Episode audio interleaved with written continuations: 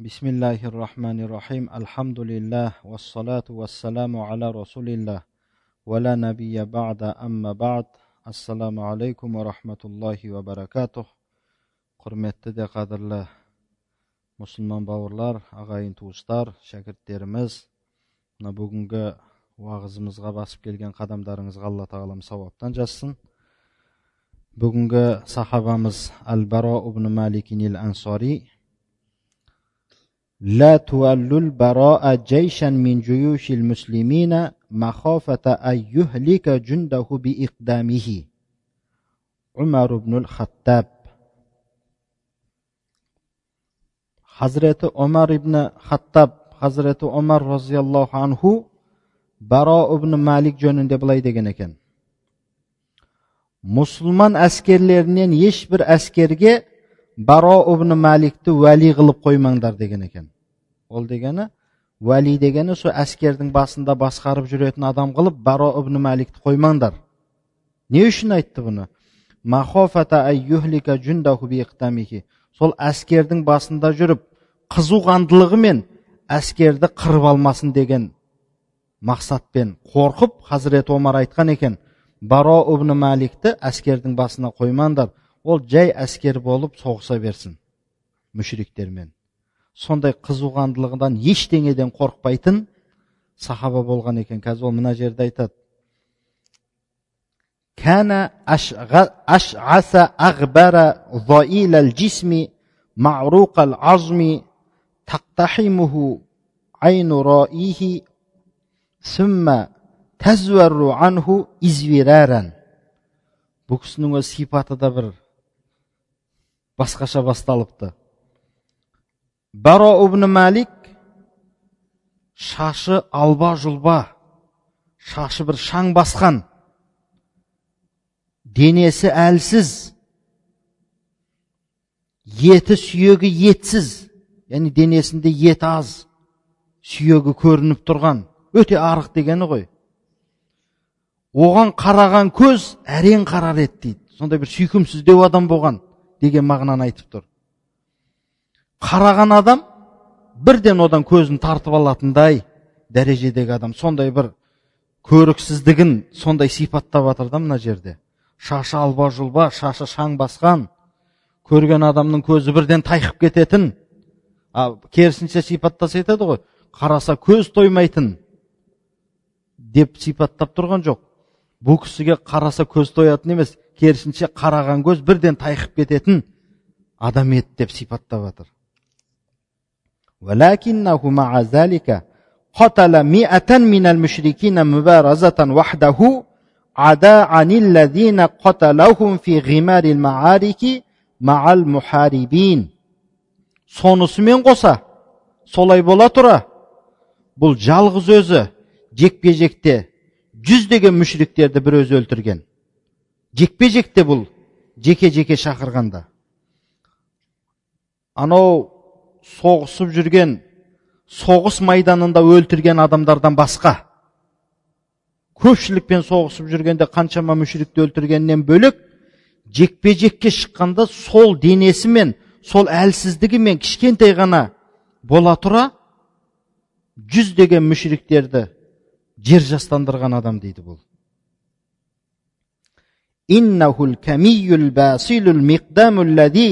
كتب الفاروق بشأنه إلى عماله في الآفاق ألا يولوه على جيش من جيوش المسلمين خوفا من أن يهلكهم بإقدامه Әлбетте бұл Баро ибн Малик батыр, палуан, алдыңғы шепте жүретін сондай бір адам болды.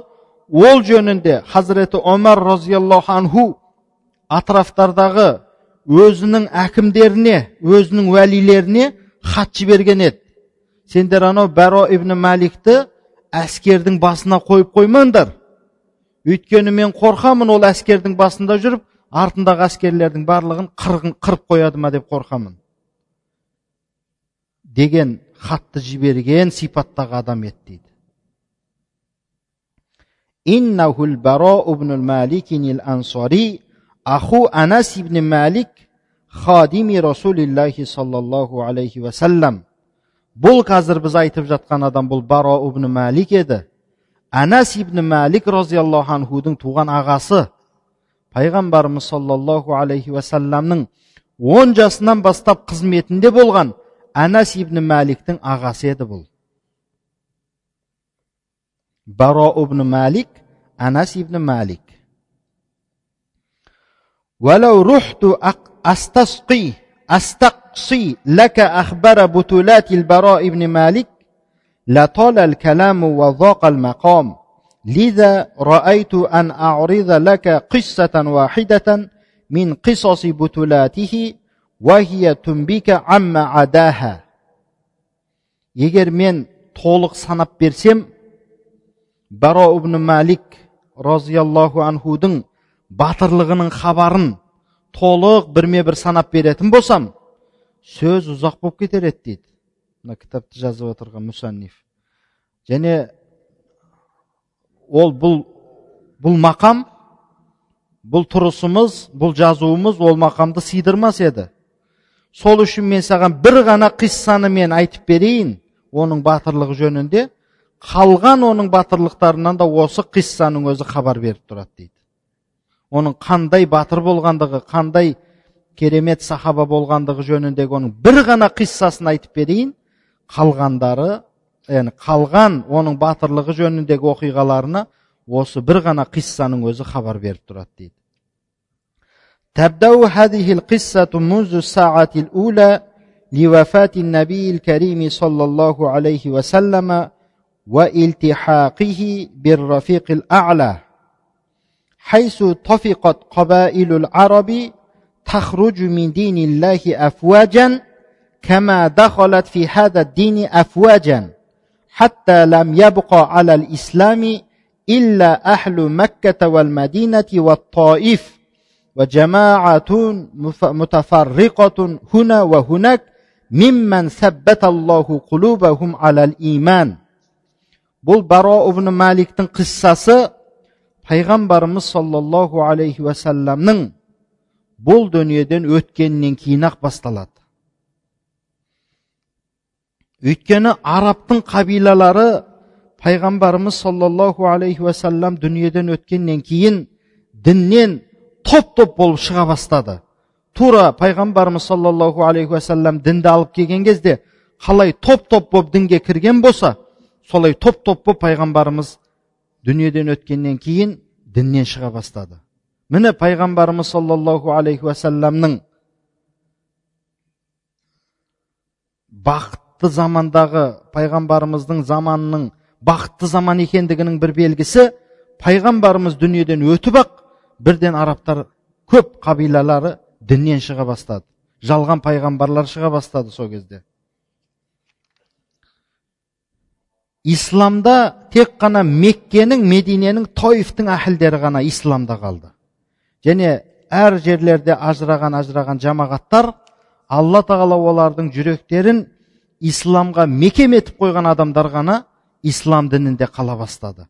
Қалғандардың жүрегінде имандары әлсіздері діннен топ топ болып шыға бастаған кез еді. Бұл баро ибн мәликтің қиссасының басталатын тұсын айтып жатыр صمد الصديق رضوان, رضوان الله عليه لهذه الفتنة المدمرة العمياء صمود الجبال الراسيات.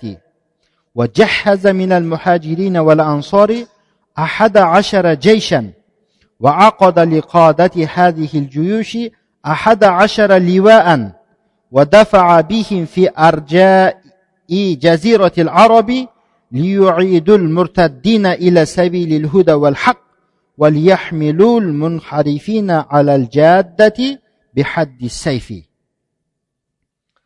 сол кезде пайғамбарымыз саллаллаху алейхи уассаламнан кейін халифалықты алған хазіреті абу бәкір разиаллаху анхуға оңай болмады топ тобымен адамдар діннен шыға бастаған мүртәттар көбейіп тұрған кезде хазіреті әбу бәкір разиаллаху анху бұл көр көзі соқыр бұл бұзушы бір фитнаға сондай биік таулар қалай бекем тұрған болса бұл кісі де солай бекем тұрды мұхаджирлер мен ансорлардан 11 әскер бұл кісі дайындады 11 әскердің басшыларына 11 туды берді қолдарына анау арабтардың жазирасындағы әр тараптардағы адамдарды діннен шығып жатқан адамдарды хақ хидаят жолына қайтару үшін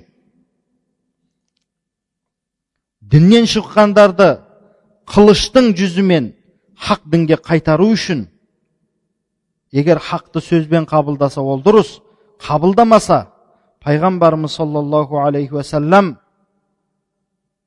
қайым қылып кеткен осы дінімізді қылыштың өткірлігімен қылыштың жүзімен болса да қайтару үшін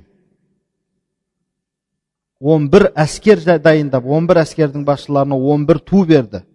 Біздің де ата бабаларымыз осы ұлан байтақ жерімізді найзаның ұшымен білектің күшімен қорғап қалды. Оңайдан оңай, оңай біз осындай бір бақытқа жете қойған жоқпыз. Қазір кімнің қол астында жүрер едік оны бір алла білер еді? Жоқ біздің де сол жүрегіміздегі ата бабаларымыздың иманы сол ата бабаларымыздың намысы осынша ұлан байтақ жерді алып қалды міне сахабалардан келе жатқан ол бір еліне жеріне отанына дініне деген сүйіспеншіліктің бір белгісі وكان أقوى المرتدين بأسا وأكثرهم عددا بنو حنيفة أصحاب مسيلمة الكذاب فقد اجتمع لمسيلمة من قومه وحلفائهم أربعون ألفا من أشد мұхарибин сол кездегі діннен шығушылардың ең зияны жағынан күштірегі сан жағынан көбірегі бану ханифа деген тайпа еді ол мүсәйламатул кәззаптың адамдары болған туыстары болған қабилалары болған білесіздер ғой тарихта мүсәйламатул Кәззап деген жалғаншы пайғамбар шыққан өзім пайғамбармын деп жалған. Өзі аты айтып тұр ғой мүсайламатул кәззаб жалғаншы мүсәйлама дегені ғой. Міне соның айналасына жиналған қауымның саны оған жаңағыдай құрамдас болған адамдардың саны қырық мыңға жететін еді. Соғыс тәсілін керемет меңгерген мықты мықты әскерлерден жиналған қырық мың адам тек қана бір ғана мүсайламатул кәззаптың жанына жиналды ол кезде әрине адамдардың саны бұншалықты қазіргі араб жазирасындағы адамдардың санындай көп уақыт емес қырық мың адам деген ол өте көп адам وكان أكثر أكثر هؤلاء قد اتبعوه عصبية له لا إيمانا به فقد كان بعضهم يقول أشهد أن مسيلمة كذاب ومحمدا صادق لكن كذب الربيعة أحب إلينا من صادق مضر мына сөзді қараңыз сол мүсайламатул кәззапқа ілескендердің көбірегі оған иман келтіріп емес оған туған туыстық жөнінен туған туыстықты ортаға қойып тұрып оның артынан ілесіп кетті оның пайғамбар емес екендігін де оның жалғаншы екендігін де біле тұрып е жоқ бұл біздің туысымыз ғой. Біз бір қабиланың бір рудың адамдарымыз бір деп. Әлі де бар ғой ол нәрсе. Олардың кейбіреулері былай айтатын еді дейді. Мен куәлік беремін. Әлбетте мүсәйлама ол кәззап мұхаммад ол садық. Шыншыл екендігіне куәлік беремін. Бірақ робианың жалғаншысы жақсырақ маған мұзордың шыншылынан деп айтады екен мұзор пайғамбарымыздың қабиласы робиа мүсайламатул кәззаптың қабиласы мына сөзді қараңыз бірақ робианың жалғаншысы анау мұзордың шыншылынан бізге жақсырақ деп туған туыстықпен ананың артынан соқырлықпен еріп кетті мүсайламаның артынан қырық мың сондай адамы болды оның әрине кейбіреулері шынында да кейбір надандар оны шынында пайғамбар шығып қалды ма деп те ілескен болуы мүмкін бірақ көбірегі дейді туысқандықты ру ұрықтықты ортаға қойып тұрып оның артынан ілесті حزم مسيلمة أول جيش خرج إليه من جيوش المسلمين بقيادة عكرمة بن أبي جهل ورده على أعقابه mana hazrati abu bakr roziyallohu anhu жіберген boshida ikrimat ibn abi jahl o'zi abu jahl iymonga kelmay ketgan odam payg'ambarimiz sollallohu alayhi vasallamning ағал ағалары сөйте тұра иманға келмей кеткен адам бірақ оның баласы икрима мықты сахабалардан болды сол икрима ибн жахл бастаған әскердің musaylamatul kazzabning askari shegindirdi. Kuchli bo'ldi yutganingani askari ortqa qaray ko'p ortqa shegindirib yubordi فأرسل له الصديق جيشا ثانيا بقيادة خالد بن الوليد حشد فيه وجوه الصحابة من الأنصار والمهاجرين وكان في طليعة هؤلاء وهؤلاء البراء بن مالك الأنصاري والنفر من كمات المسلمين сол жағдайды түсінген хазіреті әбу бәкір сиддық розиаллаху анху екінші әскерді жіберді мұсайламаға оның басында керемет тактикасы ұрыс соғыс тактикасын өте керемет меңгерген халид ибн валид разиаллаху анху. Пайғамбарымыз саллаллаху алейхи уассалам дүниеден өтерден үш ақ жыл алдын иманға келген еді халид ибн валид. Жиырма жыл мұсылмандардың қас дұшпаны болып жүрген. Анау ухуд соғысында таудың артынан келіп мұсылмандарды өлтіретін жетпіс сахаба бірдей шахид болатын соғыс естеріңізде болса соның барлығын басқарып жүрген сол халид ибн валид еді ол кезде. Мүшрик еді. Сол халид ибн валидті хазіреті әбу бәкір разиаллаху анху анау икримат ибн әби жахілді мүсайламаның әскері шегіндіргеннен кейін ең ұрыс жобасын жақсы білетін халид ибн валидің басшылығымен әскерді екінші жіберді ол жерде аңсорлар мен мұхажирлерден жиналған бетке ұстар сахабаларды қосып жіберді солардың ең алдында баробыны мәлик жүрген еді және мұсылмандардың балуан деген бірнеше сахабаларын сол халид ибн валидтің әскеріне қосып екінші мәрте мүсайламатул кәззапқа қарсы жіберді التقى الجيشان على أرض اليمامة في نجد فما هو إلا قليل حتى رجحت كفة مسيلمة وأصحابه وزلزلت الأرض تحت أقدام جنود المسلمين وطفقوا يتراجعون عن مواقفهم حتى اقتحم أصحاب مسيلمة فستات خالد بن الوليد واقتلعوه من أصوله وكادوا يقتلون زوجته لولا أن أجارها واحد منهم екі әскер кездесті енді мұсайламатул кәззаптың әскері мен халид ибн валидтің әскері кездесті нәжд деген жерде ямама деген жерде аз уақыттың ішінде ақ әскерінің таразы басы ауыр тартты дейді. Олар тағы да күшке ие болды. Мұсылмандардың әскерлерінің табанының астында жер дірілдеп қалды. Ол дегені мұсылмандар қашуға шақ қалды. Сондай дәрежеге келді.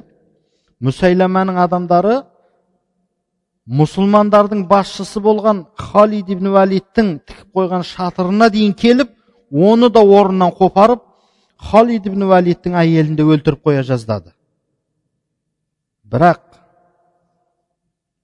олардың ішінде біреуі қорғап қалып халид ибн валидтің әйелін аман есен алып қалды عند ذلك شعر المسلمون بالخطر بالخطر الداهم وأدركوا أنهم إن يحزموا أمام مسيلمة فلن تقوم للإسلام قائمة بعد اليوم ولا يعبد الله وحده لا شريك له في جزيرة العرب وحب خالد إلى جيشه فأعاد تنظيمه حيث ميز المهاجرين عن الأنصار وميز أبناء أبناء البوادي عن هؤلاء وهؤلاء.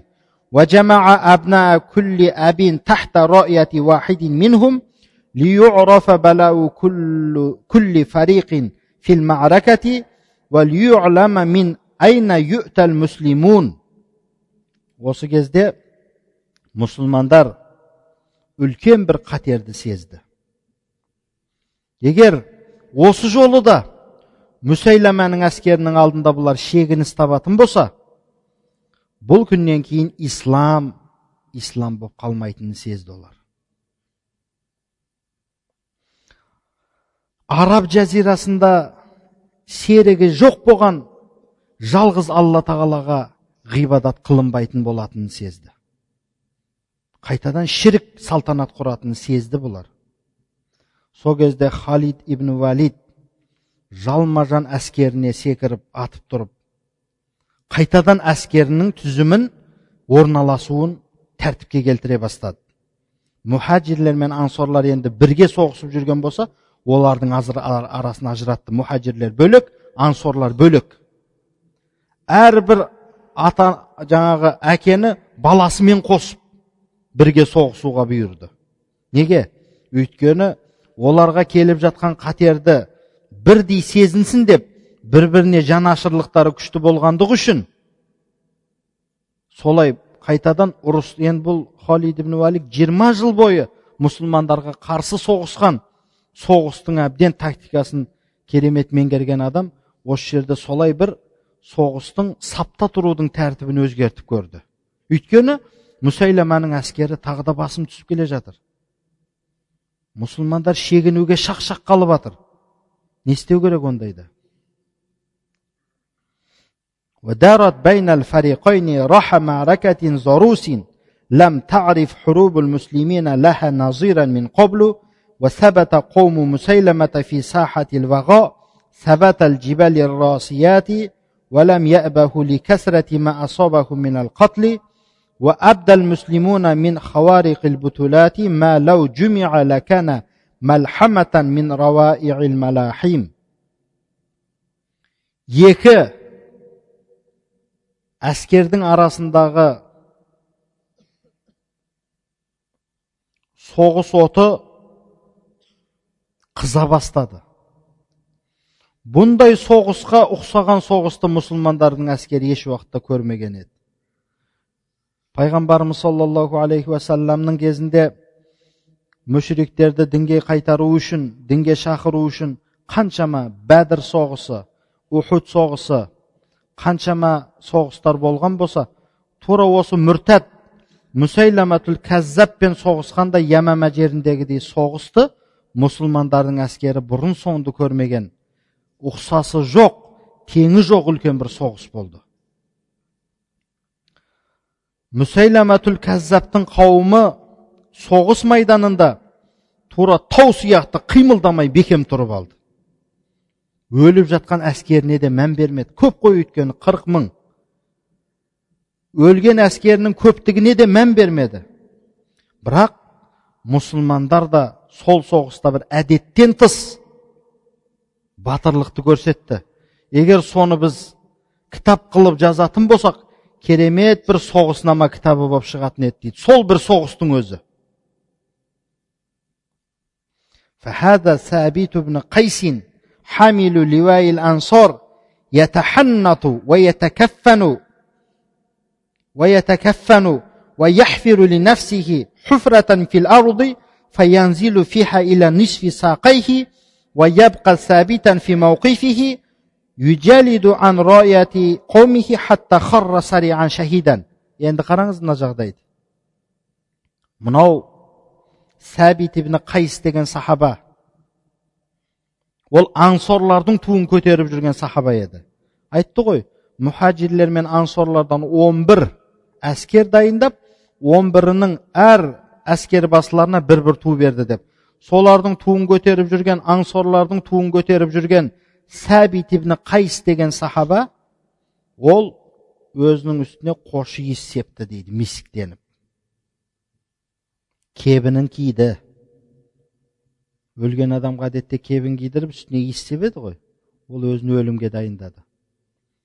Қош иіс себініп кебінін киіп жерге бір кішке шұқыр қазып алды да тізесінен төмен шұқырға түсіп алды.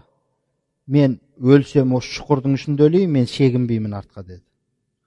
Сөйтіп сол орнында шәһид болып өлгенше мүшіриктермен соғысып мүртәттермен соғысып өлді сол жерде сол шұқырда мен артқа қарай аяғым жылжып кетпесін шегініп деп шұқыр қазып алып сол шұқырға кіріп алып тұрып соғысты бір жерде тұрып алып қандай батырлық ол ақылымызға сыя ма бұндай нәрсе біздің وهذا زيد بن الخطاب أخو عمر بن الخطاب رضي الله عنهما ينادي في المسلمين أيها الناس عضوا على أزراسكم واضربوا في عدوكم وامضوا قدما أيها الناس والله لا أتكلم بعد هذه الكلمة أبدا حتى يحزم مسيلمة أو ألقى الله فأدلي إليه بحجتي. ثم كر على القوم فما زال يقاتل حتى قتل الله نو زيد بن الخطاب بصشه омар ибн хаттаб хазіреті омар халифаның інісі зәйд ибн хаттаб деген кісі сол болса мұсылмандардың арасында айқайлап ей адамдар азу тістеріңмен жабысыңдар ана мүшіриктерге олардың мойындарын үзіңдер қорықпастан алдыңғы сапта жүріңдер ей адамдар аллаға қасам мен мынау кәлималардан кейін ешқандай сөз айтпаймын. Мүсәйламаның әскері шегінбейінше немесе алла тағалаға мен жолығып шәһид болып осы құжатымды осы дәлелімді көрсетпейінше мен де тұрған орнымнан артқа жылжымаймын. Бұл кәлималардан кейін мен айтатын сөзім жоқ деп ол да атылып мүсайламаның әскеріне қарсы.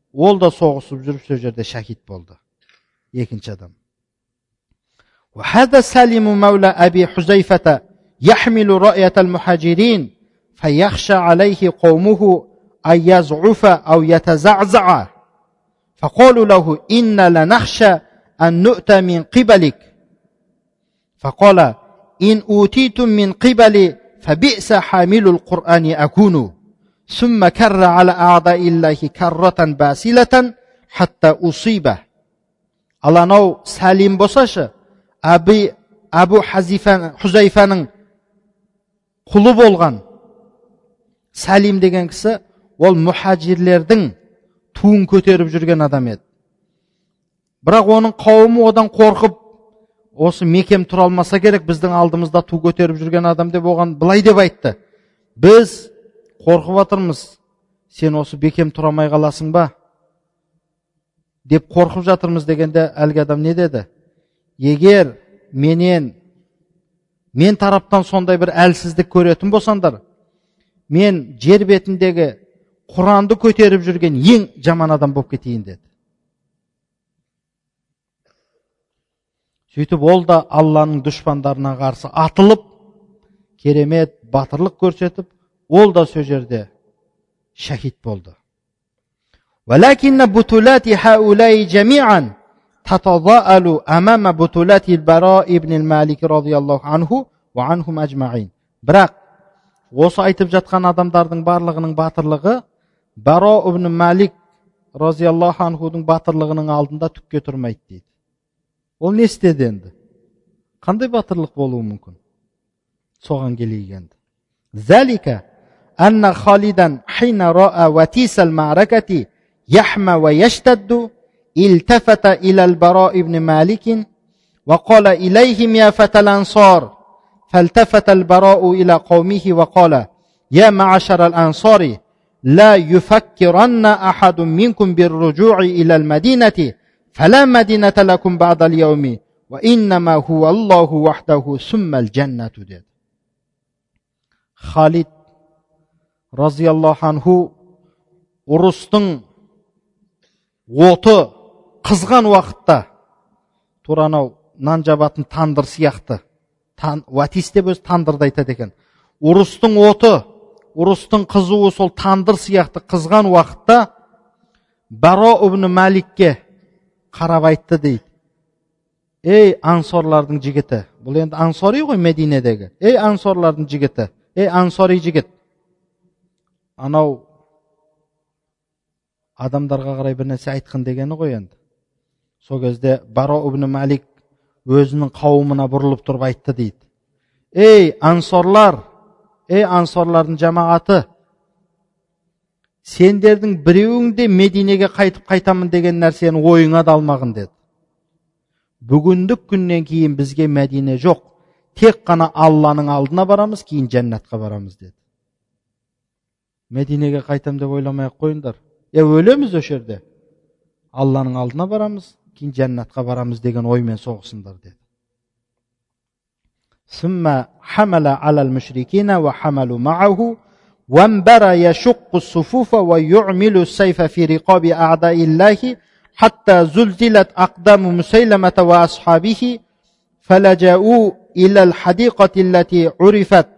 في التاريخ بعد ذلك باسم حديقة الموت لكثرة من قتل فيها في ذلك اليوم кейін сол сөзді айтып тұрып мұсылман ә, жаңағы барау ибн малик мұсайламатул кәззаптың яғни дұшпандарына қарай атылып оларға қарсы саптарды бұзып оңды солды қылышпен сермеп мүсайламаның әскерін шегіндірді бұл қасындағы өзінің әскерімен бірге олар қашып бір бақшаның ішіне қарай тығылды.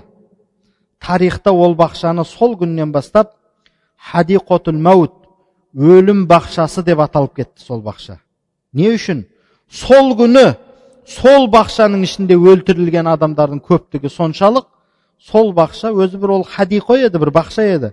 Сол күні мұсайламатул кәззаб пен мұсылмандардың арасында болған соғыстағы адамдардың өлтірілген адамдардың санының көптігі соншалық хадиқотул мәут өлім бақшасы деп аталды дейді сол енді сол жерге барып мұсайламатул кәззаб өзінің әскерімен тығылып сол жерге енді пана іздеді сол жерден енді қараңыз бұл онымен тоқтамайды كانت حديقة الموت هذه رحبة الأرجاء السامقة الجدران فأغلق مسيلمة والآلاف المؤلفة من جنده عليهم أبوابها وتحصنوا بعالي جدرانها وجعلوا يمطرون المسلمين بنبالهم من داخلها فتتساقط عليهم تساقط المطر.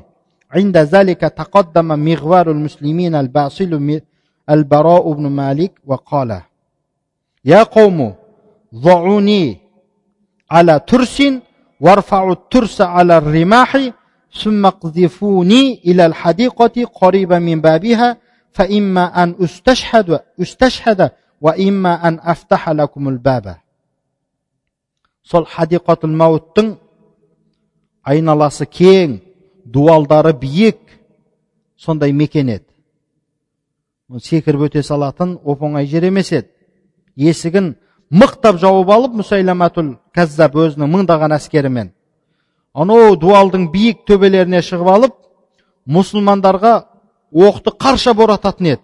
Тура бір жаңбыр жауғандай қылып оқ борататын еді төбеден тұрып алып. Сол кезде батыр мұсылмандардың қорықпас батыры баро ибн мәлик былай деді ей қауым деді. Сендер мен анау қалқанға қойыңдар деді. Қалқан бар ғой адам ұстап жүретін домалақ. Сол қалқан мен өзі кішкентай ғана адам ғой мен ана қалқанға отырғызыңдар сөйтіңдер де ол қалқанның астынан найзалармен көтеріңдер де мен ана бақшаның ішіне қарай атып жіберіңдер деді есікке жақын жерден атыңдар мені деді иә мен барып сол жерде шәһид болып өлейін иә сендерге есікті ашайын деді мыңдаған адамның арасына мені лақтырыңдар деп жатыр да кішкентай ғана адам وفي لمح البصر جلس البراء بن مالك على ترس فقد كان ضئيل الجسم نحله ورفعته عشرات الرماح فألقته في الحديقة الموت بين الآلاف المؤلفة من جند مسيلمة فنزل عليهم نزول الصاعقة وما زال يجادلهم أمام باب الحديقة ويعمل في رقابهم السيف حتى قتل عشرة منهم وفتح الباب وبه بضع وثمانون جراحة من بين رمية بسهم أو ضربة بسيف. Көзді ашып жұмғанша ойланбастан ақ баро ибн малик қалқанның үстіне отырды. Ондаған өйткені ол қалқанның үстіне отыруы ол өзі денесі өте еті аз өте арық кішкентай адам болған үшін қалқанға сыйды ол. Оны ондаған римах найза көтеріп мыңдаған мүсайламаның әскерінің ішіне атып жіберді ары қарай бақшаның ішіне дуалдан асырып. Тура бір найзағай жарқ еткендей болып аналардың арасына түсті. Бір өзі мыңдаған адамның ішінде соғысып қылышын оңды солды сермеп жүріп ондаған мүшриктерді сол жерде өлтіріп есікті ақыры ашты.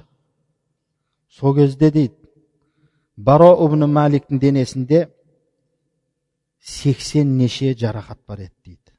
Биза деп үш пен тоғыздың арасындағы санды айтады екен биза самануна дегені сексен неше сексен бес па ол сексен алты ма сексен сегіз ба сексеннен астам денесінде жарақат бар еді ол қылыштың қылыштан жарақаттанған немесе садақ оғынан жарақаттанған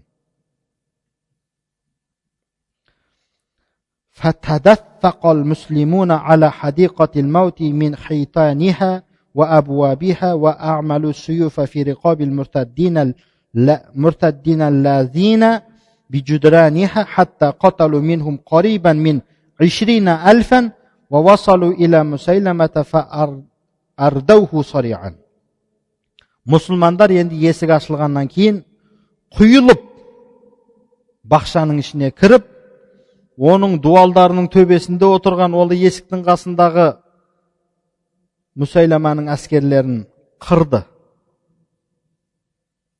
сол күні дейді жиырма мыңға жуық мүсайламаның әскерін өлтірді сол бақшаның ішінде мүсайламатул кәззаптың өзін де өлтірді соның ішінде حمل البراء بن مالك إلى رحله ليداوى فيه وأقام عليه خالد بن الوليد شهرا يعالجه من جراحه حتى أذن الله له بالشفاء وكتب لجند المسلمين على يده النصرة енді баро ибн малик сексеннен астам жерден жарақаттанған оны енді мұсылмандардың шатырына алып келіп емдей бастады бір ай халид ибн валидтің өзі басында тұрды емдеп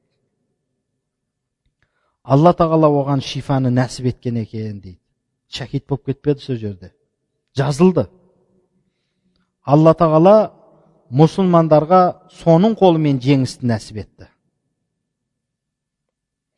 ظل البراء بن مالك الأنصاري يتوق إلى الشهادة التي فاتته يوم حديقة الموت бірақ баро ибн малик сол өлім бақшасында болған жоғалтып алған шахидтікті аңсап соған ентіліп жүрді дейді неге өлмей қалдым деп уайымдап жүрді бұл дейді сол күні неге шахид болмадым мен деп дейді وطفق يخوض المعارك واحدة بعد أخرى شوقا إلى تحقيق أمنيته الكبرى وحنينا إلى اللقاء لحاق بالنبي الكريم صلى الله عليه وسلم حتى كان يوم فتح تستر من بلاد فارس فقد تحصن الفرس في إحدى القلاع الممردة فحاصرهم المسلمون وأحاطوا بهم إحاطة السوار бел сол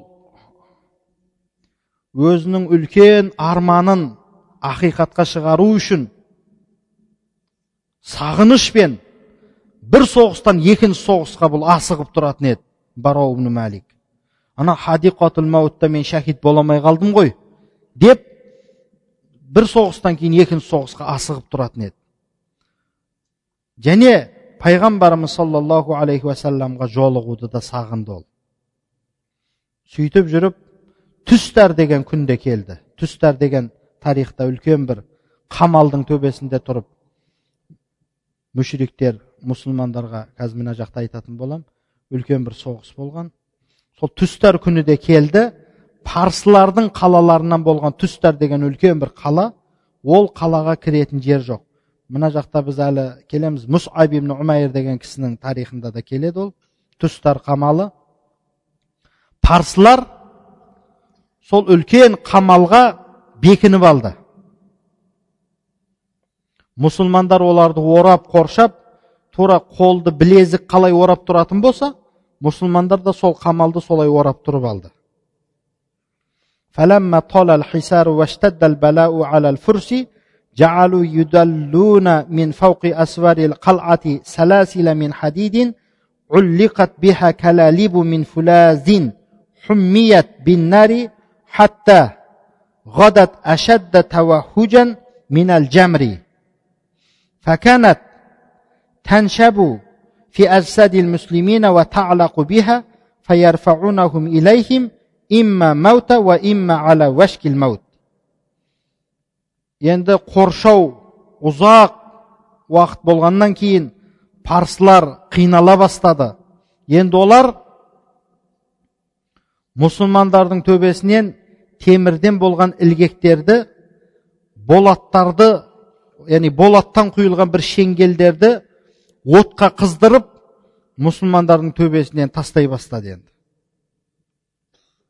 Оның қызуы жанып тұрған шоқтан да қатты қызды ыстық еді. Ол келіп мұсылмандардың денелеріне ілінсе оны жоғары қарай көтеріп алып кетер еді. Я өледі я өлуге шақ қалады.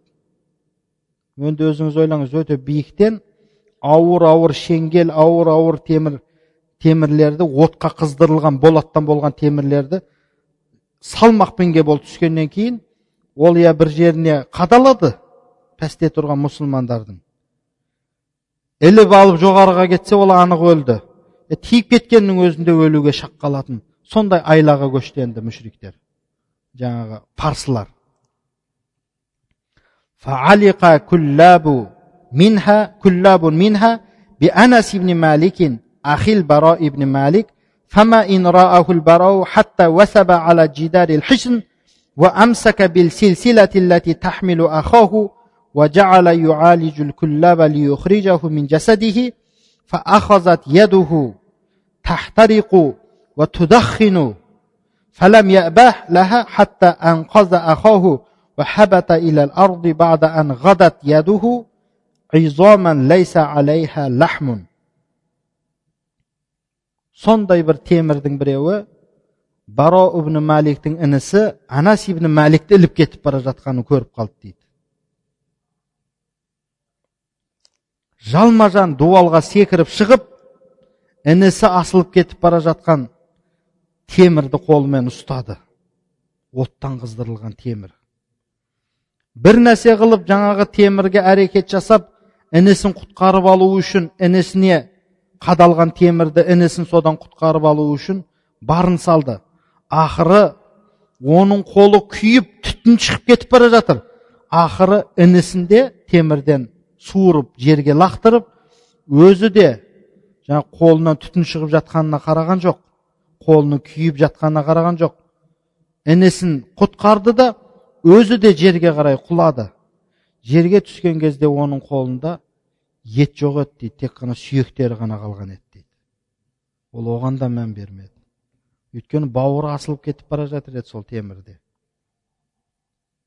وفي هذه المعركة دعا البراء بن مالك الأنصاري الله أن يرزقه الشهادة فأجاب الله دعاءه حيث خر سريعا شهيدا مغتبطا بلقاء الله сол соғыста баро ибн малик ансори алла тағалаға дұға қылды шәһидтікпен мені ризықтандыр деп алла тағала оның дұғасын қабыл етті сол соғыста алла тағалаға жолығуға, жолығуға қызығып baro ibn malik shahid bo'lib o'ldi nazzarallohu vajhal baro ibn malik fil jannati va aqarra aynahu bi suhbati nabihi muhammadin alayhi salatu vassalamu va radiya anhu va ardohu alloh taolo baro ibn malikni jannatda rozi qilsin alloh taolo payg'ambarimiz muhammad alayhissalomni ko'rib payg'ambarimizga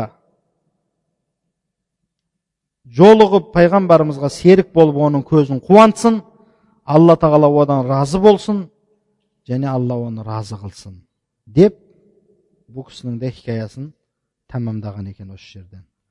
Міне құрметті жамағат үш парақ екен бұл. Баро ибн малик деген сахаба қандай сахаба болғанын біз білдік.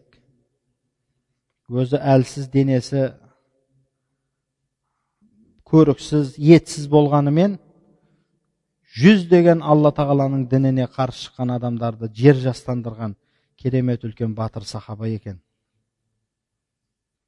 Анау бір хадис бар ғой мұсылмандардың шариғатта дұрыс саналмаған бір істі көрген адам оны қолымен қайтарсын қолымен қайтарамаса сөзбен қайтарсын сөзбен қайтарамаса жүрегімен болса да сол істеліп жатқан істің дұрыс емес екендігіне көңілі толмасын дейді. Бұл ең әлсіз мұсылманның ісі дейді. Біз көз алдымызда қаншама шариғатқа сай келмейтін істер болып жатса да жүрегіміздегі имандарымыздың әлсіздігі соншалық е қайтем оны айтып айтсам мені жек көріп қалады. Істесе істей берсін деп кетіп жатады. Бірақ мына кісілердің сахабалардың өмірін оқып отырып біз аллаға деген иманның дінге деген исламға деген махаббаттың соншалық биік үлгісін көре аламыз. Өзіміздің қаншалықты бір күнәһар түкке тұрғысыз пенде екенімізді сезінеміз осы жерде. Аты бар да заты жоқ адамдар екенімізді сезінеміз. Әрине бұл дінді бізге пайғамбарымыз саллаллаху алейхи уассаламның сахабаларының сондай қан төгісімен міне пайғамбарымыз дүниеден өткенде қаншама топ топ бір ғана мүсайламаның артында қырық мың адам діннен шығып кетті. бір ғана мүсайламаның артында. Сонда хазіреті абу бәкір сыдық разиаллаху анху қойшы не болса о болсын өзіміз меккеде мединеде таифтағы мұсылмандар ғибадаттарын жасай берсін деген жоқ. Жер бетінде ширк атаулын жоқ қылу керек болды. бір ғана шерігі жоқ алла тағалаға ғана құлшылық жасауға адамдарды шақырды.